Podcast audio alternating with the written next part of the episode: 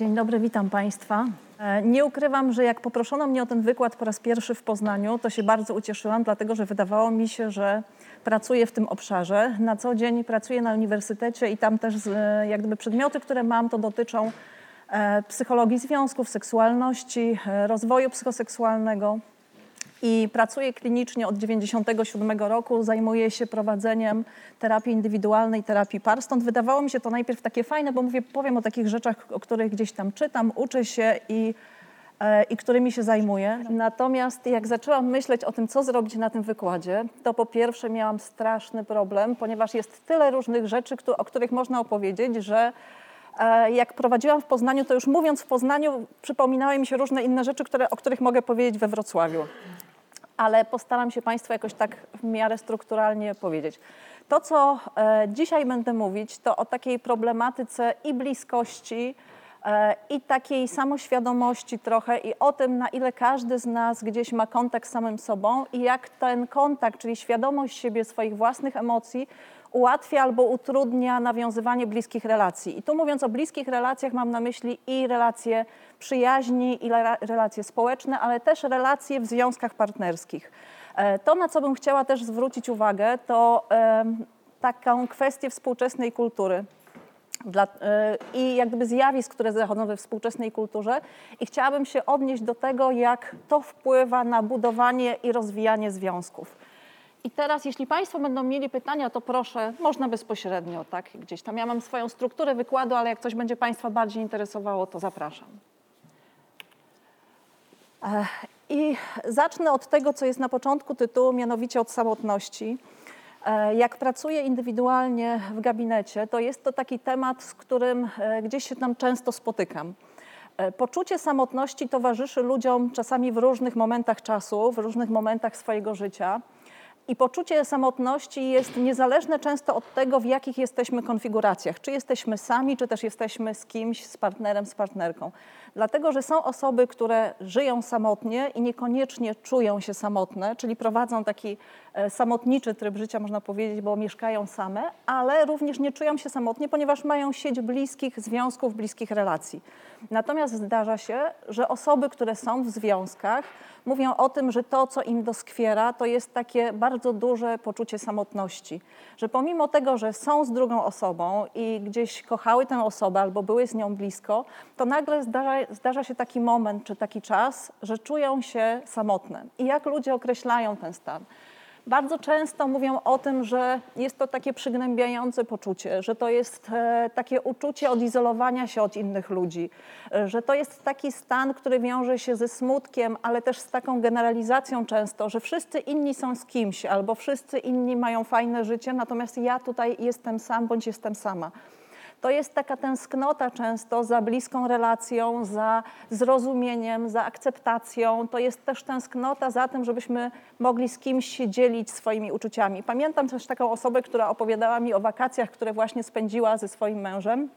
I mówiąc, że siedząc na jednej z pięknych, słonecznych wysp, e, patrząc na morze, mówi, że nigdy w życiu nie czuła się tak samotna, siedząc obok swojego męża. Tak? W związku z tym jest to pewien rodzaj, pewien stan, który przeżywamy. I też osoby często mówią o tym, że ten stan jest dla nich tak bardzo trudny, że jest e, jednym z najtrudniejszych momentów. Zresztą taki obawa przed samotnością, czy lęk przed samotnością często powstrzymuje ludzi przed jakimiś decyzjami dotyczącymi związków, które są.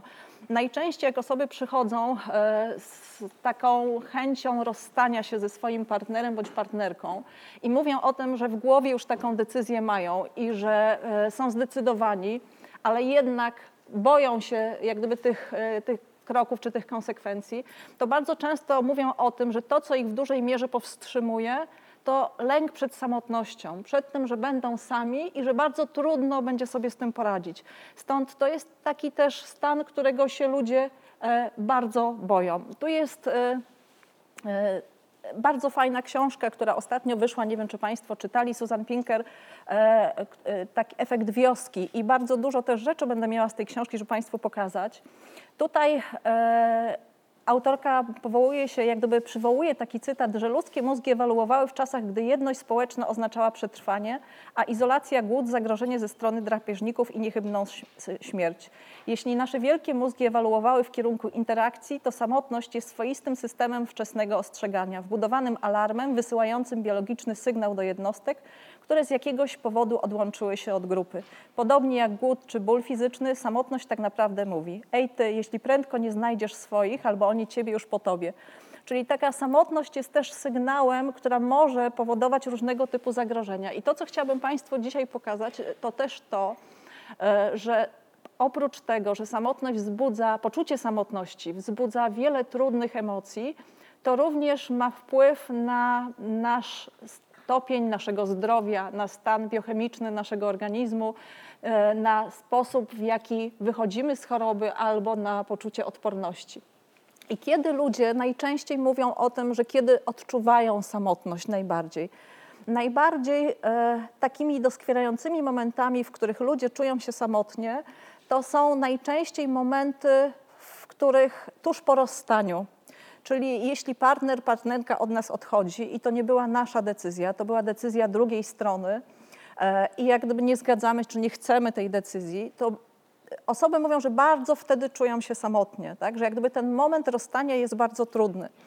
E, Helen Fisher, taka antropolożka, prowadziła bardzo ciekawe badania, mianowicie podłączała osoby, które były tuż po rozstaniu do rezonansu magnetycznego i patrzyła, które obszary mózgu są uaktualniane, znaczy które są aktywowane mm, właśnie tuż po rozstaniu.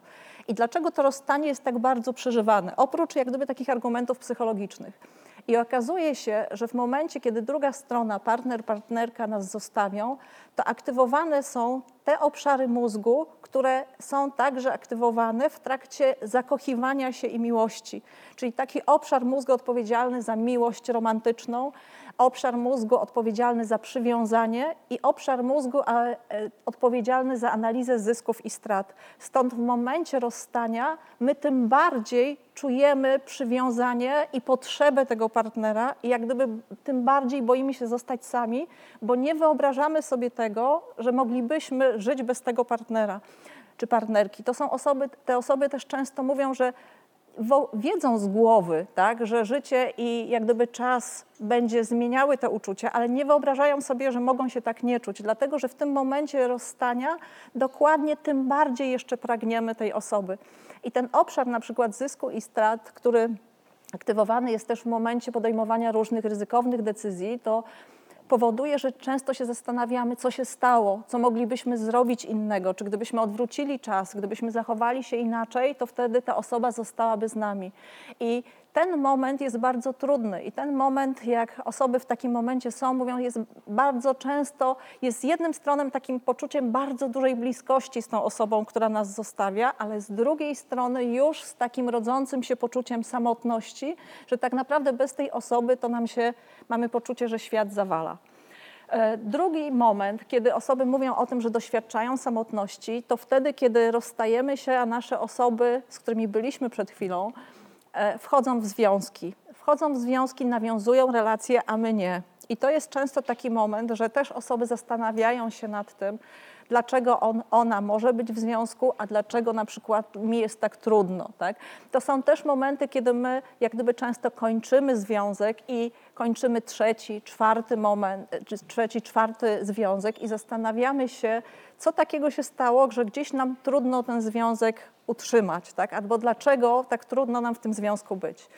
Kiedy jeszcze osoby mówią, że doświadczają samotności? W takich różnych momentach, które się wiążą trochę z kalendarzem tak? a i z takimi uroczystościami, i z takimi momentami, w których ludzie przebywają ze sobą. To są najczęściej święta, to są najczęściej momenty, w których mamy poczucie też, że inni spędzają wspólnie ze sobą czas, na przykład walentynki, to jest Sylwester, to są, jeśli osoby też przeżywają e, religijnie, to święta Bożego Narodzenia, ale też to, co, o czym osoby często mówią, to takie zwykłe, codzienne dni i bardzo często to uczucie samotności, jeśli takie uczucie mamy, dopada ludzi wieczorami, tak? czyli właśnie najczęściej po całym dniu, bo w ciągu dnia koncentrujemy się na szeregu innych rzeczy, skupiamy się na pracy, wykonujemy szereg telefonów. Jeśli ktoś pracuje z ludźmi, to tak tego bardzo nie czuje, bo spotyka się, kontaktuje z ludźmi. Natomiast bardzo często osoby mówią o tym, że doświadczają tego poczucia samotności właśnie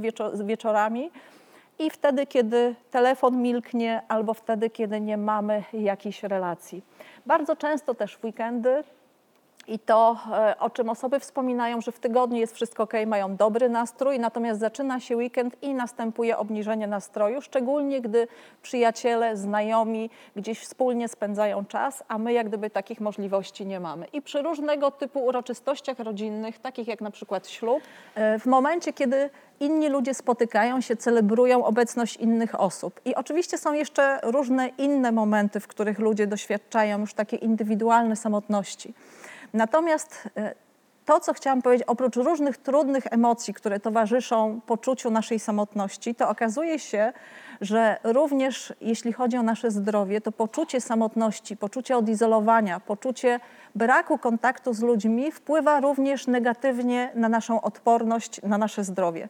Tu chciałabym Państwu pokazać e, taki, e, opowiedzieć o takim krótko eksperymencie, który zrobiono, mianowicie mm, Monitorowano 3000 pielęgniarek, e, wśród których rozpoznano raka piersi i monitorowano te osoby przez 12 lat i prowadzono te badania. I okazuje się, tak jak tutaj Państwo mają e, zapisane, że przed zakończeniem badania na raka piersi zmarło czterokrotnie więcej uczestniczek samotnych niż mających relacje. Oczywiście można to tłumaczyć też tym, że tak naprawdę w momencie, kiedy mamy partnera, partnerkę albo mamy przyjaciół, to też mamy więcej osób, co do których możemy jak gdyby poprosić o pomoc, skorzystać z pomocy, czy też w stosunku do których na przykład ktoś nam może gdzieś podwieźć, zawieść i, i to też może nam przedłużyć życie. Tak? I oczywiście tutaj też autorzy tego badania wspominali o tym, ale okazuje się, że właśnie wśród e, kobiet, bo kobiet dotyczyło to badanie, że ryzyko właśnie tego zgonu było ponad 50% większe w przypadku osób, które mieszkały samotnie. Natomiast jeśli korelowano, jaki był taki czynnik, który korelował z wydłużeniem jak gdyby życia, okazywało się, że to, co było niezwykle istotne, to poczucie przyjaźni, bliskiej, przyjacielskiej relacji, wsparcia, troszczenia się o siebie i jak gdyby możliwości polegania na drugiej osobie. I oczywiście, tak jak mówiłam, tutaj też e, obecność innych osób, czy sieć kontaktów społecznych może nam ułatwić całą logistykę w sytuacji, której chorujemy, ale tutaj też bardzo ciekawe badania mówiące o tym, że tak naprawdę nasze poczucie samotności i odizolowania może również wpłynąć na nasz stan fizyczny. To były tutaj badania pokazujące trochę od innej strony, mianowicie badania robiono na szczurach. Dlaczego na szczurach? Po pierwsze dlatego, że szczury jak gdyby dzielą z nami szereg genów, które są odpowiedzialne za choroby, ale po drugie, że szczury tak jak my są istotami społecznymi. I tutaj jak gdyby badania wykazały, że e, wśród szczurów, które były przetrzymywane w izolacji, bo podzielono szczury na będące w izolacji i będące jak gdyby żyjące w grupie, mające możliwość utrzymywania relacji, to wśród tych szczurów żyjących w izolacji było 84 razy więcej guzów piersi niż u tych, które żyły w grupie, które żyły społecznie. Tak? i nowotwory złośliwe, które wystąpiły u tych szczurów, jak gdyby wystąpienie było o 50%, 50% u tych, które były w izolacji, a o 15% tylko u tych, które żyły w grupach. Więc oprócz tego, że poczucie bliskiej relacji z kimś może nam pomóc, tak jak mówiłam, logistycznie, to okazuje się, że też wpływa na to, i chyba wyłączyłam, dobrze, i już teraz powinno być dobrze, że tak naprawdę poczucie osamotnienia może włączać i wyłączać nasze geny regulujące naszą odporność immunologiczną. I jak gdyby nasze też samopoczucie i nasze zdrowie, poczucie psychicznego, ale także fizycznego zdrowia. Ja tu nie będę się rozwijać. E, opis tych eksperymentów, taki bardziej dokładny, jest właśnie w tej książce Susan Pinker, Efekt wioski. Więc jeśli Państwo kogoś to interesuje, to oczywiście tutaj do tego odsyłam. Ja będę tylko mówić o takich różnych rzeczach. Okazuje się też, że wśród osobników, które przebywały w izolacji, znacznie więcej było wytwarzanych hormonów stresu w sytuacjach stresowych. I to, że mamy poczucie więzi czy bliskości, powoduje również to, że na poziomie takim biochemicznym organizm inaczej funkcjonuje. Że osoby mające poczucie więzi, poczucie relacji, poczucie bliskości, znacznie łatwiej radzą sobie w sytuacjach stresowych. Również, żeby pokazać też, jak negatywny wpływ ma takie poczucie samotności, odizolowania, e, Tutaj były badania z udziałem pilotów wojskowych, którzy też mówili, że takie poczucie e, odizolowania od innych ludzi, braku relacji z innymi ludźmi, gdy przebywali w niewoli, było jednym z najtrudniejszych czynników. Tak? Zobaczcie Państwo, że bardzo często, jeśli ludzie są zmuszeni do przebywania w izolacji pod wpływem jakichś trudnych wydarzeń albo w sytuacji jakichś wypadków, e, zresztą filmy są bardzo często kręcone dotyczące tego, gdzieś ktoś przebywa na statku, na wyspie, na jakimś, e, w jakimś miejscu, to to, co doskwiera ludziom, to też bardzo często to, że nie mają z kim porozmawiać, tak? że nie mają z, z kim na przykład y, mówić o ważnych dla nich rzeczach. Tak? Stąd zaczynają mówić do siebie, zaczynają mówić do przedmiotów, do, do różnych zwierząt, które spotykają. Także ta potrzeba kontaktu psychicznego jest niezwykle y, istotna. I skąd my tak naprawdę, bo jak analizuje się też pokolenia i analizuje się historię rodzin, e, to zdarza się też tak, że pewne rzeczy dotyczące naszego funkcjonowania, relacji, pewne rzeczy dotyczące tego, jak my też funkcjonujemy w roli kobiet, w roli mężczyzn, że są przekazywane z pokolenia na pokolenie. Tak? Można to zobaczyć w takich badaniach transgeneracyjnych dotyczących historii rodzin przekazywanych, ale też można to zobaczyć w gabinecie, gdzie czasami też słyszę o takich historiach, na przykład historii kobiet w danej rodzinie, które były dominujące, historii mężczyzn, którzy na przykład e, rozstawali się z kobietami. Także pewne wzorce możemy też przekazywać z pokolenia na pokolenie. I okazuje się też, że taką tendencję do poczucia samotności możemy też jak gdyby e, przejąć po naszych rodzicach. Oczywiście, gdybyśmy uruchomili e, jak gdyby różne teorie psychologiczne, no to możemy mówić, że może się to opierać na teorii społecznego uczenia się, możemy brać pod uwagę teorię przywiązania, tak, teorię relacji z obiektem, jak gdyby różnymi teoriami możemy to tłumaczyć. Natomiast e, okazuje się, że właśnie e, im bardziej też nasi rodzice czują się samotnie, tym też jak gdyby ryzyko jak gdyby przejęcia takiej e, nieumiejętności bliskości czy trudności w bliskich relacjach może być przeniesione. To oczywiście wiąże się też z tym, na ile ta nasza bliskość była dla nas dostępna w okresie dzieciństwa. Tak?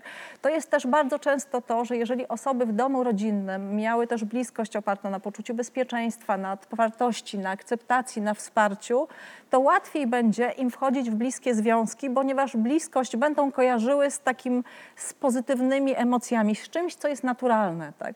Natomiast jeśli w naszych domach rodzinnych nie było bliskości, albo bliskość kojarzyła się z trudnymi emocjami, albo z odrzuceniem, tak? albo z krytyką, albo z brakiem akceptacji, albo z taką akceptacją warunkową, to znacznie trudniej nam też ufać, że w innych związkach, które będziemy w przyszłości nawiązywać, będziemy czuć się bezpiecznie. Stąd często, jeśli osoby takie w domu rodzinnym nie dostały takiego poczucia bezpieczeństwa, też tę lekcję budowania zaufania, budowania relacji też bardzo często muszą gdzieś same e, odrabiać. Tak? I oczywiście na szczęście nie jest to determinizm, czyli na szczęście to nie jest tak, że jeśli w domach rodzinnych nie dostaliśmy ciepła, miłości, wsparcia, gdzie nie było wzorów takiej pozytywnej bliskości, to nie jesteśmy w stanie tego zrobić. Tak? Na szczęście jest tak, że jak gdyby no nie jesteśmy uzależnieni od naszego dzieciństwa, aczkolwiek też świadomość pewnych rzeczy może nam też ułatwiać budowanie i nawiązywanie relacji. I tu też ciekawy eksperyment e, odnośnie wychowania i relacji i bliskości. E, zrobiono też na szczurach, gdzie odizolowano szczury właśnie od samego początku, tuż po urodzeniu, a z drugiej strony były szczury wychowywane z troskliwymi matkami i z matkami, które jak gdyby były takie zimne. I patrzono, jak będą reagowały te szczury w przyszłości, tak monitorowano. Okazywało się, że te szczury, które były dziećmi tych troskliwych matek znacznie łatwiej sobie radziły w różnych trudnych sytuacjach, znacznie łatwiej radziły sobie w rozwiązywaniu, w poszukiwaniu drogi w labiryncie, były znacznie odważniejsze, łatwiej podejmowały ryzyko, tak? szybciej reagowały, było, była lepsza ich pamięć i orientacja przestrzenna, ale równocześnie też miały większą łatwość do bycia też troskliwymi matkami. I oczywiście pokazuję jak gdyby też te eksperymenty, dlatego że to są takie też nowe eksperymenty, ale to wszystko, co mówię, to myślę, że też jest Państwu znane, to jest bardziej pod kątem e, takich rzeczy e, pokazywanych w badaniach. I teraz, skoro my wiemy o tym, że gdzieś taka potrzeba bliskości, potrzeba relacji jest jedną z takich ważniejszych potrzeb w życiu, jedną z ważniejszych umiejętności, o czym mówi też psychologia pozytywna, tak? umiejętność nawiązywania, budowania relacji, a jednak nie udaje się nam, to co ludziom przeszkadza? Jakie są takie czynniki, które będą utrudniały czy przeszkadzały w budowaniu bliskich relacji? I to jest jak gdyby kilka takich grup. Jedną z takich grup, e, jak gdyby czynników, które to powodują, to jest stosunek osób do siebie. To jest to, co my myślimy o sobie, e, jakie mamy przekonania, jakie mamy opinie o sobie, co my myślimy na temat innych osób, na temat ludzi, mężczyzn, kobiet i co my myślimy na temat przyjaźni, na temat miłości, na temat siebie w świecie i też jak ustawiamy się w stosunku do innych ludzi. Tak? E, nawiązując do analizy transakcyjnej, można powiedzieć, że to jest takie trochę też pokazanie, jaka jest nasza pozycja życiowa. Bo jeśli my uważamy, że jesteśmy gorsi, a inni ludzie są w porządku, to też trudniej będzie nam nawiązywać relacje, tak? bo będziemy albo się bali tych relacji, albo będziemy bali się krytyki, albo będziemy bali się wchodzenia w takie relacje, bo będziemy uważali, że coś z nami jest nie tak. Z kolei jak będziemy uważać, że my jesteśmy lepsi, też trudno będzie nam nawiązywać relacje, tak? bo skoro jesteśmy lepsi niż inni, no to z kim mamy te relacje nawiązywać? Taka najzdrowsza pozycja życiowa to jest taka pozycja życiowa, w której my mamy poczucie, że my jesteśmy w porządku i też inni ludzie e, są w porządku. I uszczegółowiając to, co przed chwilą mówiłam, jakie różne rzeczy i z jakimi przekonaniami, opiniami, jakie rzeczy utrudniają budowanie relacji. E, takie czasami przeświadczenia, czy takie myśli, które mamy na temat siebie, że nikt mnie nie pokocha, tak? albo że jestem, mam jakieś wady, że ludzie nie są w stanie mnie zaakceptować, tak? albo w momencie, kiedy ktoś pozna, jaki jestem naprawdę, albo jaka jestem naprawdę, to wtedy zobaczy i odejdzie ode mnie. Stąd to też powoduje, takie przeświadczenia powodują, że ludzie nie otwierają się w bliskich związkach, że czasami mamy takie myślenie, e, zamykające, tak? że w momencie, kiedy my powiemy tak naprawdę, otworzymy się przed partnerem, to że on nie będzie w stanie nas zaakceptować. Tak? Albo czasami jest też takie przeświadczenie, że powinienem być zawsze miły i zawsze miła, po, dlatego żeby ludzie mnie lubili. Tak? To czasami też jest takie wynoszone z domu rodzinnego, dlatego że nauczyliśmy się gdzieś tak przez lata, że ta nasza akceptacja była warunkowa w momencie, kiedy byliśmy mili, pomagający, sympatyczni. W związku z tym nauczyliśmy się, że przejawiając takie cechy, czy przejawiając takie zachowania, będziemy bardziej akceptowani. Stąd czasami też później w dorosłym życiu próbujemy to powielać. I to, co dawało nam akceptację, co dawało nam e, uwagę kiedyś ze strony osób nam najbliższych, teraz czasami powielamy i staramy się być właśnie mili, staramy się być pomagający, staramy się wsłuchiwać w potrzeby innych osób, tak naprawdę też nie pokazując siebie, tak? czyli jak gdyby nie otwierając się, bo boimy się, że jeśli będziemy inaczej reagować, ta druga osoba nas nie zaakceptuje. Czasami to są też takie przeświadczenia, dotyczące siebie, że na przykład ja bardzo często słyszę, jeśli rozstają się na przykład ludzie, załóżmy 35, 33, 35 plus, to istnieje takie przeświadczenie, że już teraz to ja z nikim nie będę, tak? bo w tym wieku to już nikogo nie można spotkać, tak? że w tym wieku to już, to już nie ma, albo że nie ma w ogóle wolnych mężczyzn, albo nie ma wolnych, normalnych mężczyzn, albo kobiet, tak? bo dotyczy to, mamy takie przeświadczenia dotyczące osób, czy to tej samej płci, czy to przeciwnej płci, z którymi chcemy budować relacje odnośnie wieku, odnośnie zachowania. Czasami tutaj to są zdania, które gdzieś e, też jak wypisałam z tego, co słyszałam, jak, jak ludzie też mówią w takich momentach, bo tak też czują. Tak? To są czasami takie mity i stereotypy, e, które istnieją, że na przykład Tutaj wypisałam e, taki jeden z mitów, e, przypomina mi się mężczyzna, który tak mówił, który z jednej strony chciał mieć taki bardzo bliski związek, w którym e, będzie i bliskość, i intymność, i jednocześnie seksualność. Natomiast w większości przypadków zdarzało mu się tak, i jak gdyby przyszedł zobaczyć też dlaczego, że w tych związkach ta intymność, bliskość seksualna bardzo szybko znikała. Ona po paru gdzieś tam miesiącach bardzo szybko znikała. E, I tak naprawdę znikała z jego e, inicjatywy, jeśli można tak powiedzieć. To znaczy, on przestawał mieć ochotę na seks. E, I jak zaczęliśmy rozmawiać o, o, o seksie, o seksualności, o kobietach, to jak gdyby to, co on jak gdyby zaczął zdradzać, o czym zaczął mówić, to takie przeświadczenie, że tak naprawdę to to nie jest dobrze, jeśli kobieta lubi seks. Tak? Że jeżeli kobieta lubi seks i będzie się cieszyć seksem, to będzie zdradzać. Tak? Jak... Nie każda lubi? Myślę, to, że tak jak z każdą rzeczą, nie wszyscy wszystko lubią. Natomiast e, skąd się wzięło takie przeświadczenie? Przeświadczenie jego wzięło się z takiej sytuacji, w której był w bardzo bliskiej relacji, był bardzo zaangażowany i rzeczywiście doszło tam do zdrady tak, przez jego partnerkę. Natomiast utrwalił sobie takie przeświadczenie. To jest też tak, że my zapamiętujemy subiektywnie. Czy też, że wszyscy mężczyźni zdradzają. Też są takie przeświadczenia, tak? że gdzieś tam dotyczące zdrady, dotyczące tego, jak będzie. To są różne przekonania, które czasami mamy w głowie, które e, powstały w naszej głowie pod wpływem czasami jakichś doświadczeń, które rzeczywiście o tym mówiły, ale mamy tendencję do generalizowania. Czasami to są różnego typu przeświadczenia czy zdania zasłyszane na przykład właśnie też w domach rodzinnych, tak? że gdzieś nieświadomie myślimy tak samo, powielamy te rzeczy. To są też mity, które dotyczą tego, jak, ma, jak wygląda przyjaźń, czy jak wygląda prawdziwa miłość. Tak? To są te wszystkie mity związane na przykład z wizją romantycznej miłości, że prawdziwa miłość się nigdy nie kończy, tak? że prawdziwa miłość wszystko wybaczy. Czy też takie bardziej, powiedziałabym, realne mity, jeśli można tak powiedzieć, że przeświadczenie, które często towarzyszy partnerom, że dobry związek to jest taki, w których nie ma kłótni. Tak? E, e, I że jak partnerzy zaczynają się kłócić, to znaczy, że to jest coś złego. Tak? Czy że partnerzy, którzy są bardzo blisko siebie, to powinni tak naprawdę odczytywać e, od siebie e, z głowy, czy jakoś w jakiś sposób odczytywać to, co ten drugi ma na myśli i powinien drugi wiedzieć, co ten drugi chce, co ten drugi myśli.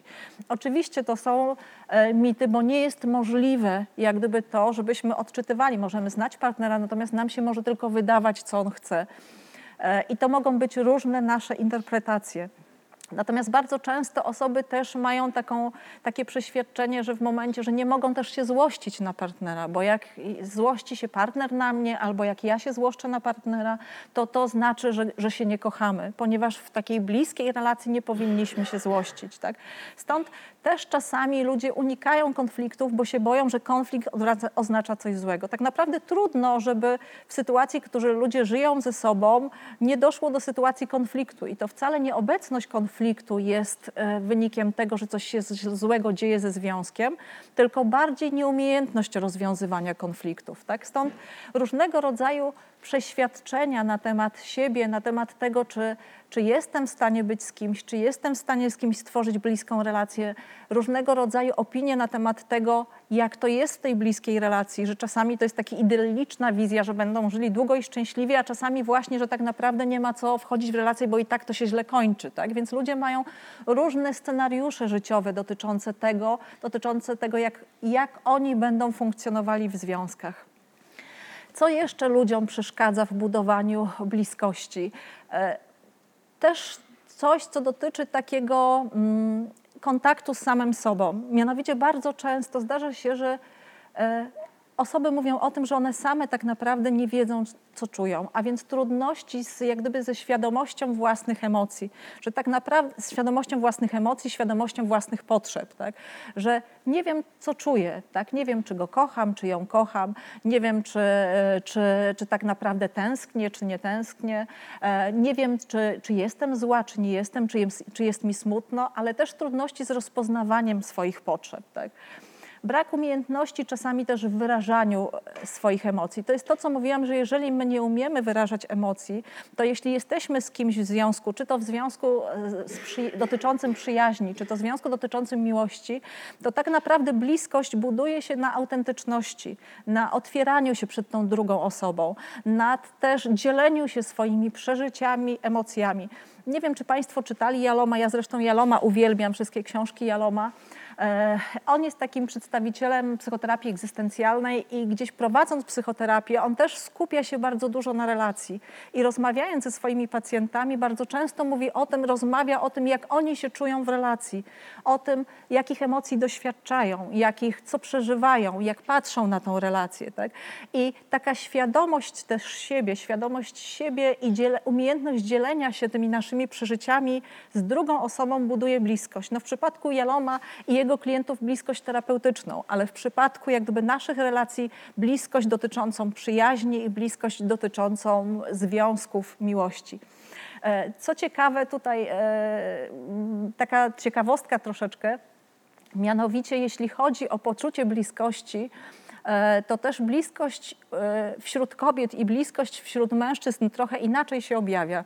Mianowicie, jeżeli kobiety są w sytuacji bliskości, to kobiety bardzo e, często, mogę na pani pokazać? Tak?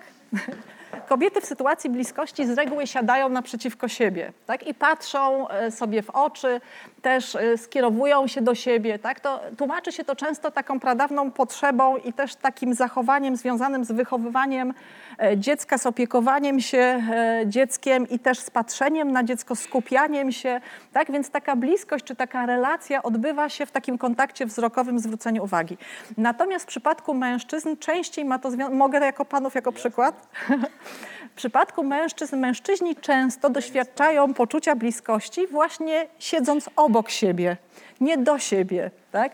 E, Helen Fisher, antropolożka, tłumaczy to tym, że mężczyźni doświadczają, czy mówiąc o bliskich rzeczach, wolą taką sytuację, w których e, są tutaj, tak jak panowie tutaj siedzą teraz, dlatego że wiązało się to troszeczkę z takimi czasach, e, wspólnych czasach polowań czy na sawannach, gdzie tak naprawdę oni robili coś wspólnie i siedzieli obok siebie. Tak?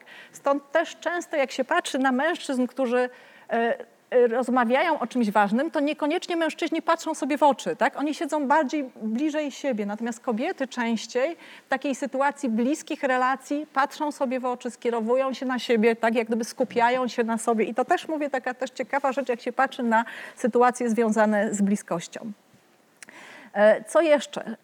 To, co utrudnia też bliskość, to też to, e, jak gdyby takiego różnego rodzaju sposoby przeżywania, okazywania emocji w związku. Ja tutaj taki z analizy transakcyjnej akurat e, nomenklaturę wzięłam, a więc taki różnego rodzaju wzory reagowania, które nam tak naprawdę utrudniają przeżywanie bliskości z partnerem. Pierwsza to jest taka, e, nie wiem czy Państwo znają, zbieranie znaczków. To jest taki mechanizm takiego zbierania emocji na przykład jesteśmy z partnerem i coś w zachowaniu partnera nas wkurza, nas złości, złościmy się, ale nie mówimy. Nie mówimy często dlatego, że boimy się zepsuć atmosferę. Niektórzy się boją, że zrobią mu przykrość, niektórzy uważają, że nie mają prawa się złościć. No, z szeregu różnych po powodów chowamy to, tłumimy te emocje i na przykład chodzimy z tymi emocjami. A za dwa tygodnie okaże się, że partner krzywo ustawił szklankę, szklanka spadła, i teraz następuje wybuch tych wszystkich tłumionych emocji. Tak? I robimy wielką awanturę o tę szklankę. Dlaczego to przeszkadza w bliskości? Dlatego, że tak naprawdę, no po pierwsze, w tej sytuacji awantury partner nie bardzo wie o co chodzi tak? i skąd taka awantura, a po drugie, my na co dzień nie sygnalizujemy tych różnych rzeczy, które nam przeszkadzają, które są jak gdyby taką przeszkodą w budowaniu różnych rzeczy, ale też nie mówimy i chowamy siebie, tak jak gdyby nie, nie mówimy partnerowi o swoich doświadczeniach. Emocje gumki, czyli czasami zdarza się też tak, że są emocje nie z tej sytuacji. Przychodzimy i czasami zestresowani z pracy przerzucamy emocje na osoby bliskie, na partnera, partnerkę. Tak? Taki negatywny aspekt, który czasami dotyczy akurat częściej mężczyzn, dlatego że tu też taka różnica częsta wśród mężczyzn. Z reguły większość mężczyzn w sytuacji stresu i napięcia albo po kłótni e, jest w stanie uprawiać seks i chce. Natomiast większość kobiet po kłótni jak gdyby ma, nie chce uprawiać seksu. Tak? To jest taka też różnica, z którą ja się spotykam w gabinecie, że bardzo często jak się w związku osoby pokłócą, to on na zgodę chce uprawiać seks, a ona nie dopiero jak jej złość przejdzie. Tak? I czasami też się zdarza, że właśnie po pracy, jeśli osoby mają taki mechanizm, on, jest niekonieczny, on nie jest dobry, przenoszenia napięcia i rozładowywania przez seks, to czasami to się wydaje, ale my mamy bliskość, tak? ale my mamy fajny seks, a tak naprawdę motorem do tego nie jest chęć bycia, tylko chęć rozładowania swojego napięcia. Tak? I stąd też czasami tak jest. Zdarza się też tak, e, że że ten seks służy, ja będę mówić też o tym seksie, bo to mój drugi zawód i też uważam, że seks może być bardzo... Dziękuję. Też tak myślę. I że seks może być fajnym takim czynnikiem budującym bliskość. I teraz Pan mnie zdekoncentrował i nie wiem, co chciałam powiedzieć, ale przypomni mi się, to powiem za chwilę, dobrze? I emocje zastępcze to jest też jak gdyby taka trudność, która jest związana z nami, która nam utrudnia, taki to jest taka, taki mechanizm, którego my uczymy się emocji też w domach rodzinnych. W niektórych domach rodzinnych jest tak, że niektóre emocje są zabronione. E, z różnych powodów. W niektórych domach nie można się złościć, bo złość odbierana jest jako przejaw e, niegrzeczności, tak? że ktoś jest niegrzeczny, jak się złości, albo brak szacunku dla dorosłych. Albo właśnie istnieje taki mit, że w rodzinach, w których się ludzie kochają, to się nie powinno złościć innych rodzinach na przykład jest zakaz na smutek, czyli na przykład nie wolno się smucić i nie wolno płakać, bo to jest oznaka słabości, bo to jest oznaka, e, nie wiem, e, braku odwagi, albo właśnie nie jest to oznaka tego, co by chciało się w domu rodzinnym, czyli siły. Tak? Więc też różnego rodzaju informacje, jak wychowujemy się w domach rodzinnych, słyszymy na temat tego, których emocji można okazywać, a które są zakazane. I trochę my się tego uczymy też, e, to znaczy czasami jeśli mamy taki zakaz w domu rodzinnym na temat wyrażania jakichś emocji, to my też jak gdyby nieświadomie introjektujemy ten zakaz i też później tych emocji nie wyrażamy. I co robimy? Bardzo często zamieniamy te emocje na te, które były, które, które były dozwolone. To też dotyczy takich e, różnic czasami między kobietami i mężczyznami. Czyli oprócz wychowania istnieją też różnice e, płciowe, to też jest związane z wychowaniem oczywiście, tak? Bo proszę zobaczyć, jeśli bym Państwa spytała, to w przypadku mężczyzn jest częściej zakaz na wyrażanie jakich emocji, których mężczyźni nie powinni czuć, bo, nie, bo są niemęskie, smutku, tak? Prawdziwy mężczyzna nie płacze i których jeszcze co jeszcze prawdziwy mężczyzna? Czego nie powinien czuć? Proszę? Nie boi się, tak? Prawdziwy mężczyzna się nie boi, jest twardy, silny i się nie boi, tak? Stąd też kulturowo niestety część chłopców, a później mężczyzn jest tak wychowywanych, że mężczyźni mają problem w związkach w sytuacjach, kiedy czują smutek i kiedy czują strach. Co robią najczęściej? Najczęściej w sytuacjach, kiedy odczuwają tego rodzaju emocje, zamieniają to na inne, na te, które są męskie. Na złość, tak? Czyli w momencie, kiedy się smucą, w momencie, kiedy się boją, są bardziej nerwowi, złośliwi, agresywni na przykład. Tak? Nie mówię, że to dotyczy wszystkich mężczyzn. Natomiast w przypadku kobiet, jakie, jaka emocja jest zakazana, gdybyśmy mieli powiedzieć? Co kobiety nie powinny czuć? Złości, złość piękności szkodzi. Tak? My powinniśmy być uśmiechnięte jak słoneczko. E, to tak przypomniało mi się, moja babcia mi to mówiła, jak byłam dzieckiem.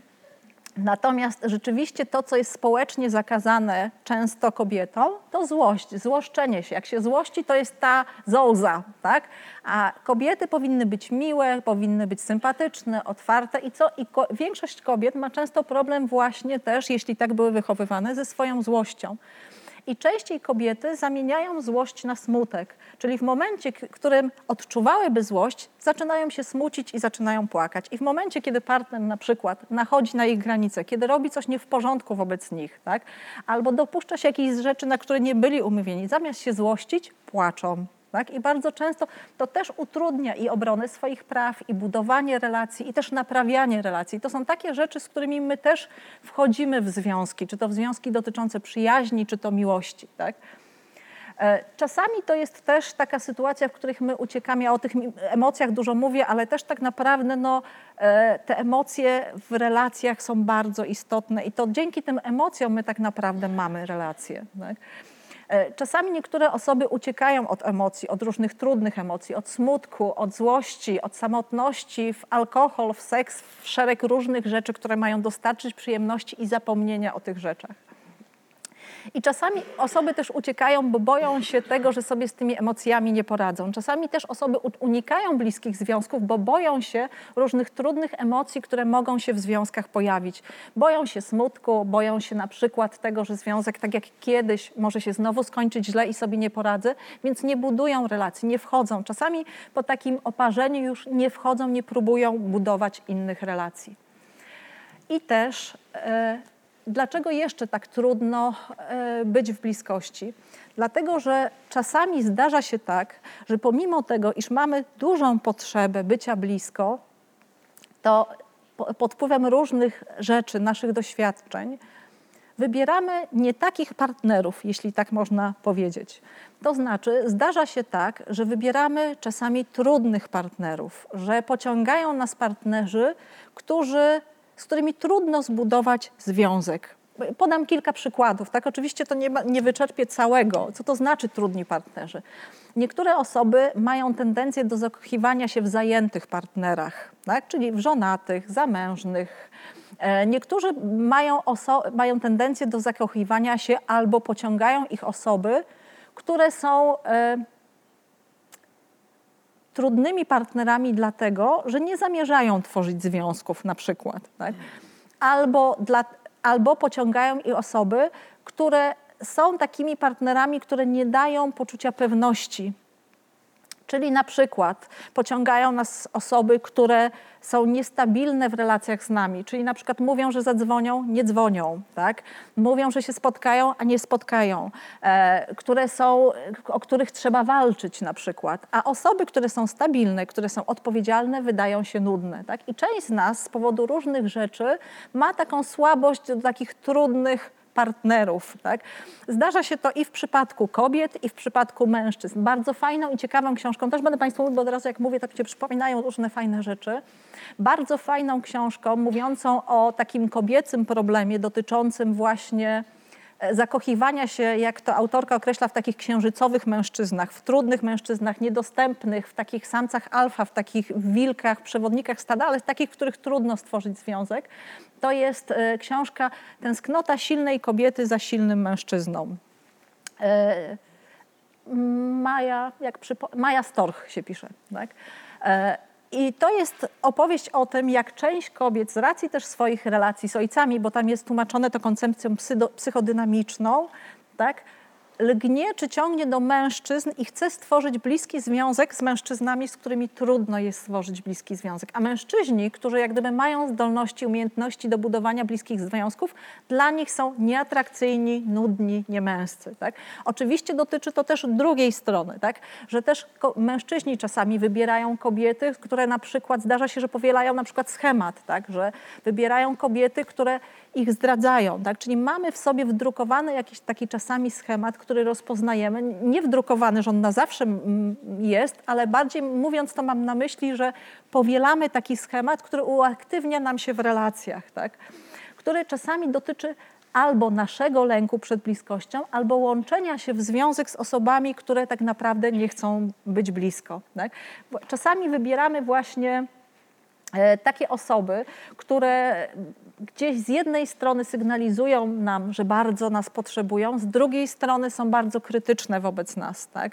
bardzo takie oceniające, w których trudno nam być sobą też. Tak? Czasami, tak jak mówię, pociągają nas osoby trudne, zajęte, niedostępne. Tak?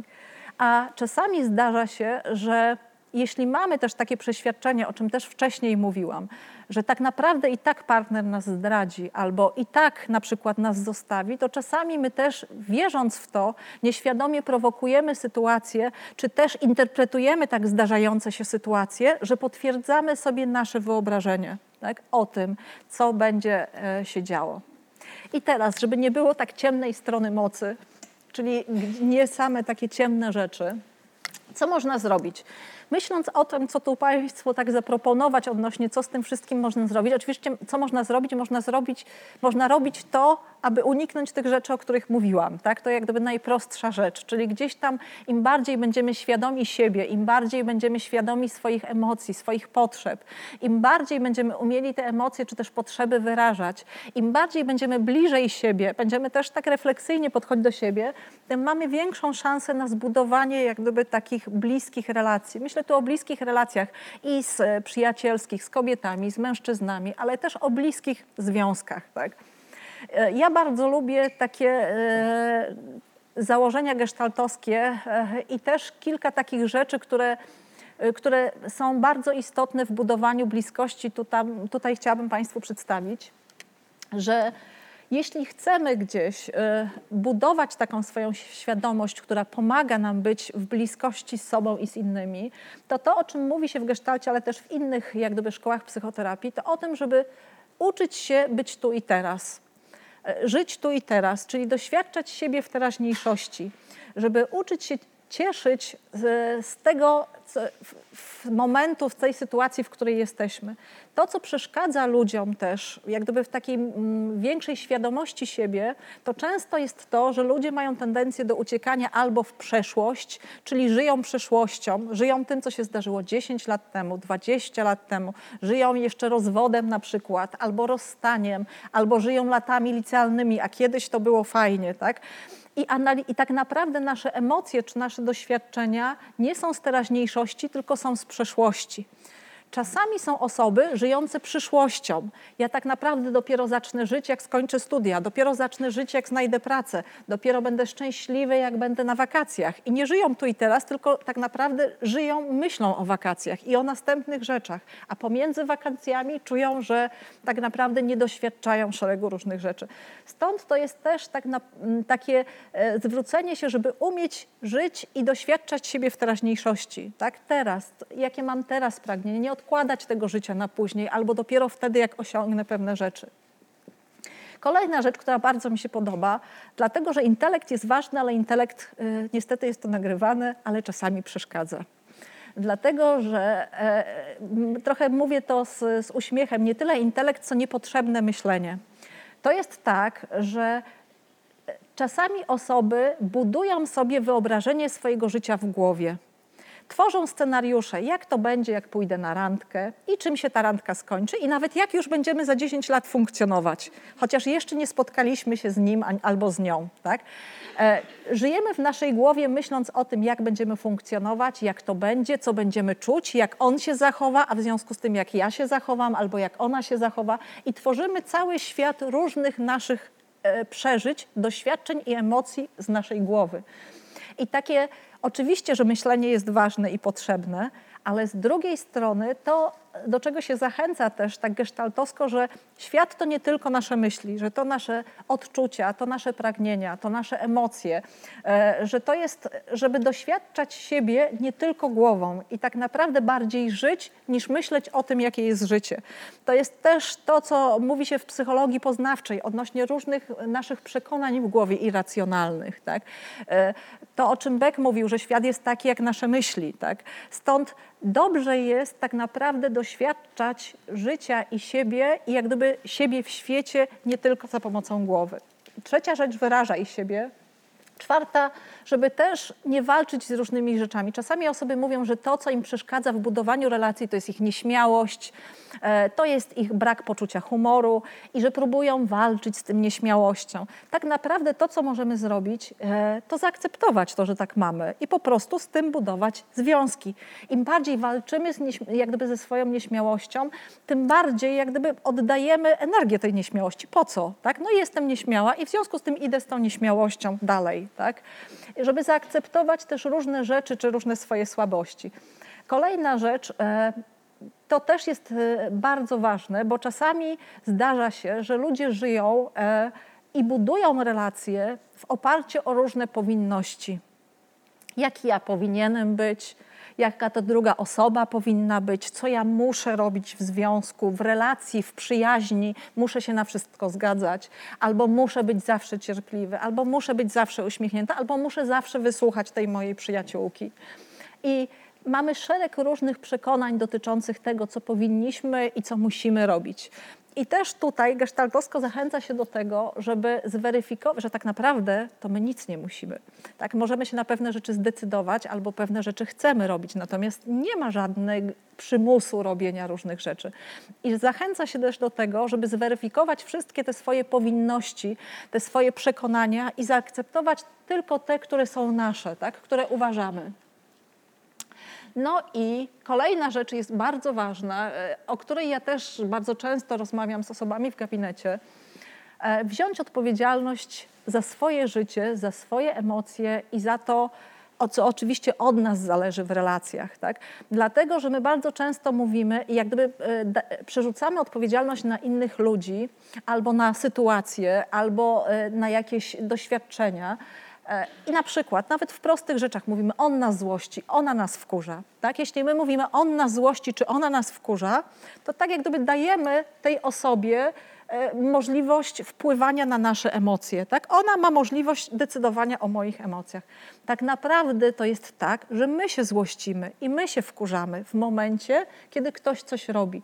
Jeżeli my mówimy ja się wkurzam i ja się złoszczę, to znaczy, że ja mam możliwość kontrolowania tego, decydowania o tym, decydowania o tym kiedy, czy, jak bardzo i jak długo. A jak on czy ona mnie złoszczą, to nie mam możliwości, no bo on wywołuje we mnie te emocje. Tak? Czasami też, więc y, to, do czego się też zachęca w pracy nad sobą, wzięcia odpowiedzialność za swoje emocje, ale też za szczęście albo nieszczęść, za to, czy jesteśmy szczęśliwi, czy też nieszczęśliwi. Oczywiście to nie znaczy, że jesteśmy omnipotentni i mamy wpływ na wszystko, tak? ale My mamy, decydujemy o tym, jak sobie radzimy z jakimiś wydarzeniami. Nawet jak spotykają nas jakieś trudne wydarzenia, to to, jak my to interpretujemy i jak my doświadczamy tego, co my czujemy, jak długo czujemy, to to już zależy od nas. I odpowiedzialność też za to, e, też, czy jesteśmy czasem sami, czy też nie. Chodzi mi o to, że przychodzą też osoby i mówią, że są same e, i chciałyby być z kimś w związku. I pytam bardzo często, e, czy mają możliwość poznawania jakichś ludzi ze względu na swoją pracę, tryb życia i mówią, że nie. Tak? Że na przykład pracują gdzieś w miejscu, w którym nie ma ludzi gdzieś e, w podobnym wieku czy jakimś kręgu zainteresowań. I tak naprawdę prowadzą takie życie, że nie za bardzo mogą, bo praca, dom, praca, dom, ewentualnie w weekend jadą do rodziny. Tak? E, I mówią o tym, że bardzo chcą być w związku, a życie im się tak układa, że nie są w tych związkach. No ale teraz pytanie, co ja robię, żeby gdzieś, ja nie mówię, żeby chodzić po ulicy z napisem chcę być w związku, tak? ale też pytanie, czy coś robimy w tym kierunku, czy otwieramy się na innych ludzi, czy w ogóle gdzieś spotykamy się z kimś, tak? Bo oczywiście może się zdarzyć scenariusz jak z filmu romantycznego, że gdzieś na rogu ulicy wpadniemy w kogoś i będziemy sobie przeznaczeni, ale to niestety się rzadko zdarza. Może stety, tak? Bo czasami też warto zawalczyć o różne rzeczy. I to są takie rzeczy, oczywiście nie, wyczerp nie wyczerpuje to całego składu czynników, które powodują, że trudno nam być w bliskości, ale teraz chciałabym powiedzieć o jeszcze jednej rzeczy.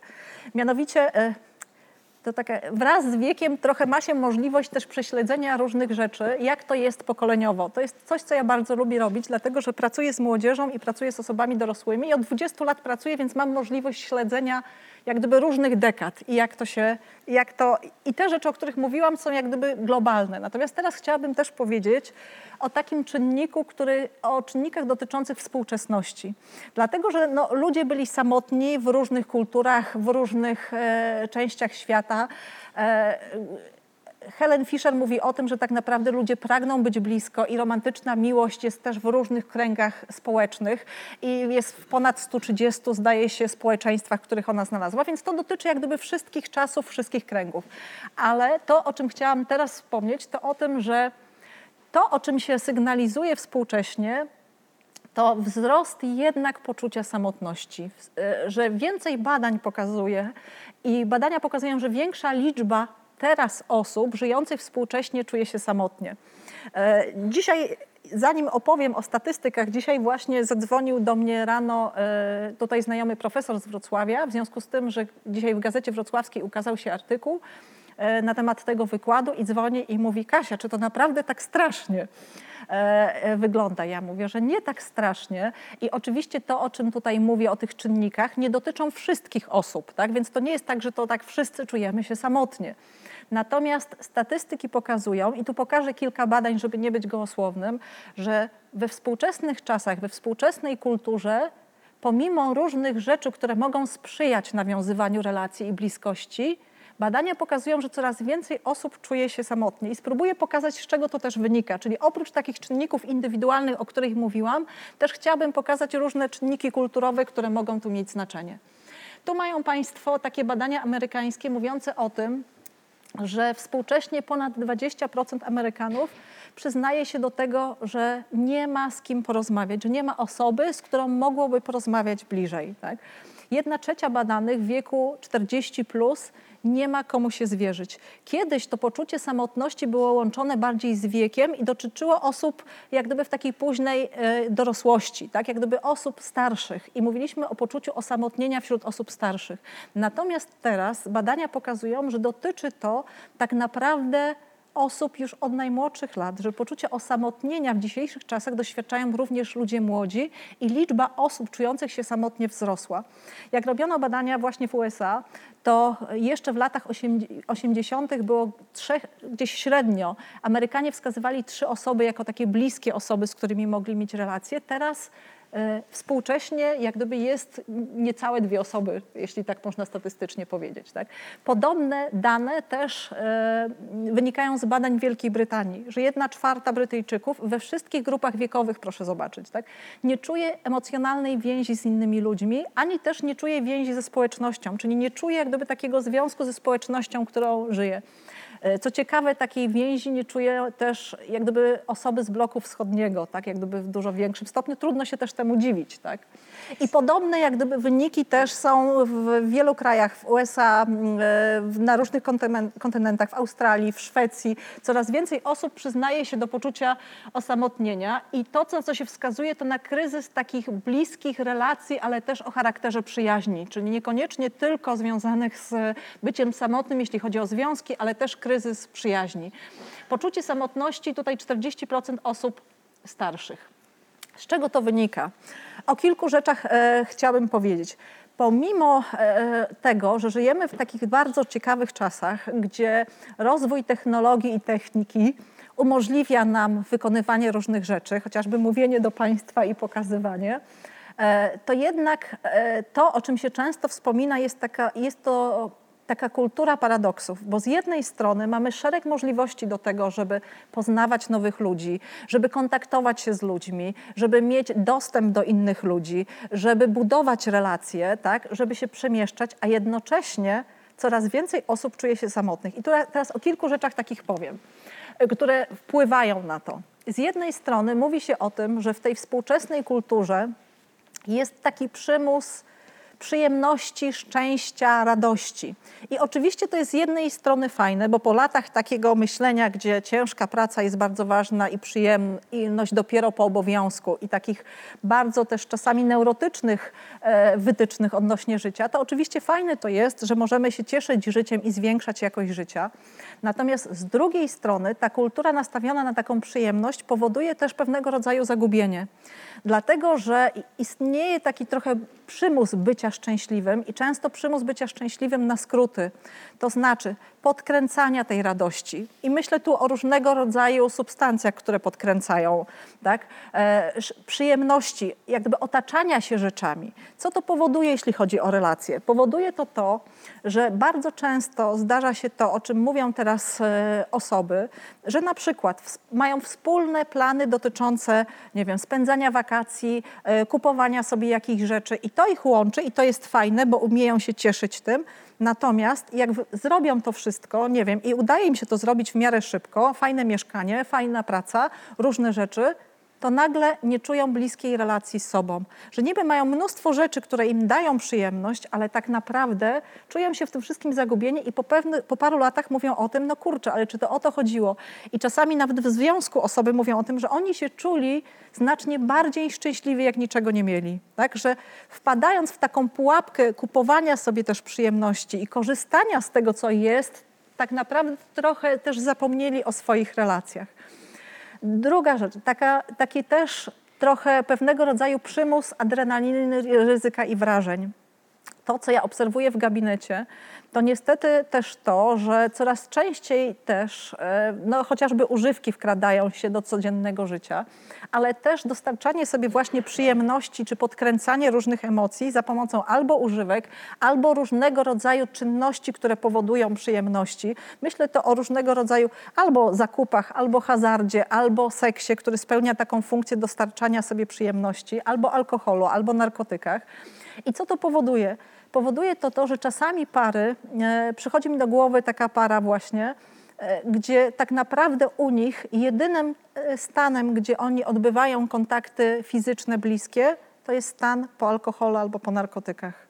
Że taki fizyczność, wymiar bliskości fizycznej w takim stanie trzeźwości nie jest taki fajny, bo nie ma takich emocji nie ma takiego podniecenia. Tak? I takie dokręcanie sobie życia, czy takie dokręcanie sobie emocji powoduje po pierwsze też to, że jak sobie dokręcimy, to za chwilę będziemy mieli spadek, ale że rzeczy codzienne przestają nas cieszyć. Tak? I jeśli mamy taką tendencję do poszukiwania różnych doznań, to niestety może nas to zaprowadzić w pułapkę taką, że będziemy coraz bardziej chcieli coraz więcej.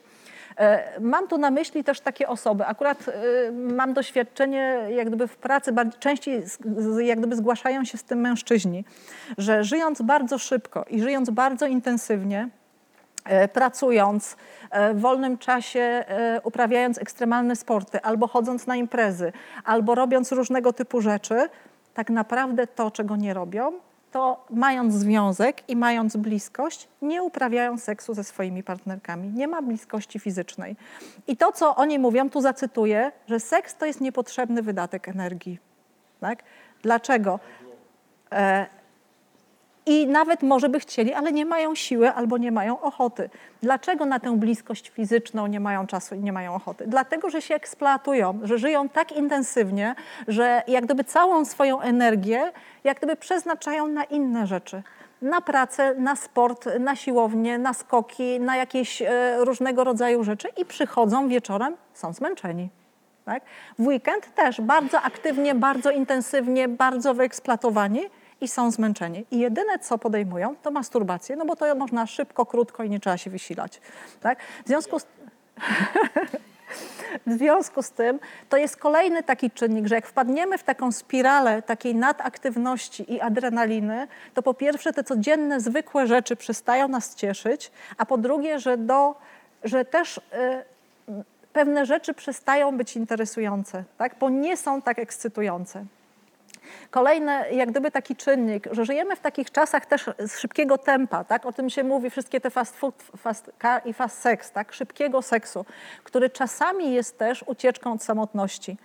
E, ludzie uciekają czasami w seks, żeby nie czuć się samotni. To są jak gdyby te sytuacje, w których osoby mówią, że wychodzą w sobotę, w niedzielę na imprezach i na przykład podrywają kogoś, uprawiają seks. Dlaczego? Bo w sobotę dopada ich samotność, tak? bo w tygodniu jest wszystko ok, a tutaj poprzez uprawianie seksu chcą na chwilę uciec od tego poczucia samotności, które ich właśnie wtedy dopada. Tak? Czyli właśnie przez chwilę pobyć z kimś.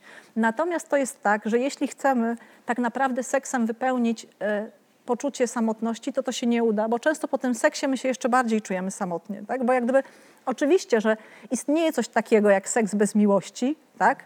ale seks nie zapewni nam tego, że zmniejszy nam poczucie samotności. I żyjemy też w takich czasach bardzo ciekawych, w których mówi się nam, że każdy może być każdym. Tak? Możemy być jak Rihanna, możemy być jak każdy. Tak? I tak naprawdę próbujemy być i liderem, i ekspertem, i, i, i podejmować szereg ról, ale tak naprawdę też w tym jest pewne ryzyko, że jak możemy być każdym, to pytanie, kim my naprawdę jesteśmy. Tak? Czy naśladując inne osoby, czy wzorując się na innych osobach, czy, czy chcąc spełnić jakieś wymagania takie kulturowe, społeczne, czy trochę też nie uciekamy od siebie. I zobaczcie Państwo, to jest jak gdyby pierwszy paradoks, że w takiej kulturze nastawionej na przyjemność, na radość, na satysfakcję, jednocześnie e, mówi się o tym, że wzrasta liczba osób chorujących na depresję. Tak? Czyli osób, które właśnie mają obniżony nastrój, brak satysfakcji życia. Także pomimo tego nastawienia, to jest jak gdyby pierwszy taki paradoks. E, drugi też e, paradoks to jest też taki, że My mamy możliwości związane, to co wcześniej wspomniałam, z budowaniem relacji. e, z wyszukiwaniem osób, z poznawaniem osób. Myślę tutaj o internecie, tak, że daje nam nieograniczoną możliwość w poznawaniu różnych osób. I oczywiście to jest bardzo fajne, e, bo e, żyjemy też szybko i z drugiej strony zmieniamy czasami miejsce pracy, miejsce zamieszkania, wchodzimy w nowe środowiska i też dzięki internetowi możemy poznawać różne osoby. Natomiast będę mówić też o ryzyku z tym związanym. Tak? I, I jak gdyby o tym, że te kontakty sieciowe nie zapewnią nam takiego bezpośrednich kontaktów, bo te bezpośrednie kontakty twarzą w twarz e, są znacznie efektywniejsze i lepsze dla nas i lepsze dla budowania relacji niż te kontakty internetowe. Tak samo tutaj Państwo będą mogli Państwo obejrzeć y, siedząc w domu, tak? I oczywiście jest to wygodniejsze, nie wychodząc z domu, obejrzeć jakiś wykład. Ale to, że tu Państwo przyszli, to, że siedzą Państwo z osobą, obok której, y, którą Państwo lubią, tak? To, że mamy kontakt, że to są zupełnie inne przeżycia, doznania i emocje, niż wtedy, kiedy jest to nawet wygodniejsze, gdy siedzimy w domu, tak? I to, co będę chciała w tej kolejnej części pokazać, to to, że oczywiście możemy i fajne to jest, że możemy korzystać z tej technologii, ale żeby nie zapomnieć o tej technologii, żeby ta technologia nie była naszym życiem i nasze kontakty społeczne nie były tylko sieciowe czy też wirtualne. Tak? E, I wracając do tego tematu, że e, zobaczcie Państwo kolejny taki właśnie paradoks, taka nieograniczoność dostępu do osoby. Mamy dostęp do każdej osoby. Tak? W każdym momencie możemy zadzwonić, możemy się skontaktować, ktoś mieszka na drugiej kuli ziemskiej, możemy, a jednak wzrasta liczba osób czujących się samotnie. Proszę? Tak, dziękuję. na drugiej części kuli ziemskiej, o to chciałam powiedzieć. I znowu mamy możliwość wysyłania tych wiadomości w bardzo krótkim czasie i otrzymywania tych wiadomości. Natomiast co to powoduje? Opowiem takie historie z życia. E, mój znajomy opowiadał mi o tym, jak rozmawiał ze swoim synem, który ma lat 17 e, i zwierzał mu się ze swoich problemów z dziewczyną i mówił, że się zastanawia, że nie wie, czy z nią być, że oni się kłócą często. No i on mówi, to zróbcie sobie przerwę Zobaczcie, odpocznijcie od siebie, zobaczycie, czy będziecie ze sobą tęsknić, czy też nie. No i ten syn mówi, okej, okay, bardzo fajny pomysł, tak? Zrobimy sobie tak. No i później tata pyta go, no i jak zrobiliście sobie przerwę? No tak prawie cały dzień nie rozmawialiśmy ze sobą. Tak?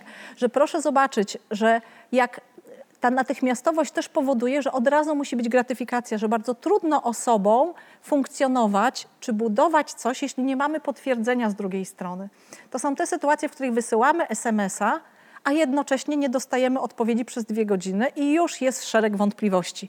Jak nie było kiedyś komórek, to jak były telefony stacjonarne, to na telefon czekało się znacznie dłużej. Ja pamiętam taką rozmowę z nastolatką, z którą rozmawiałam i ona opowiadała mi o swojej miłości, się pytała, no to za ile, jeśli jemu zależy, on powinien odpowiedzieć?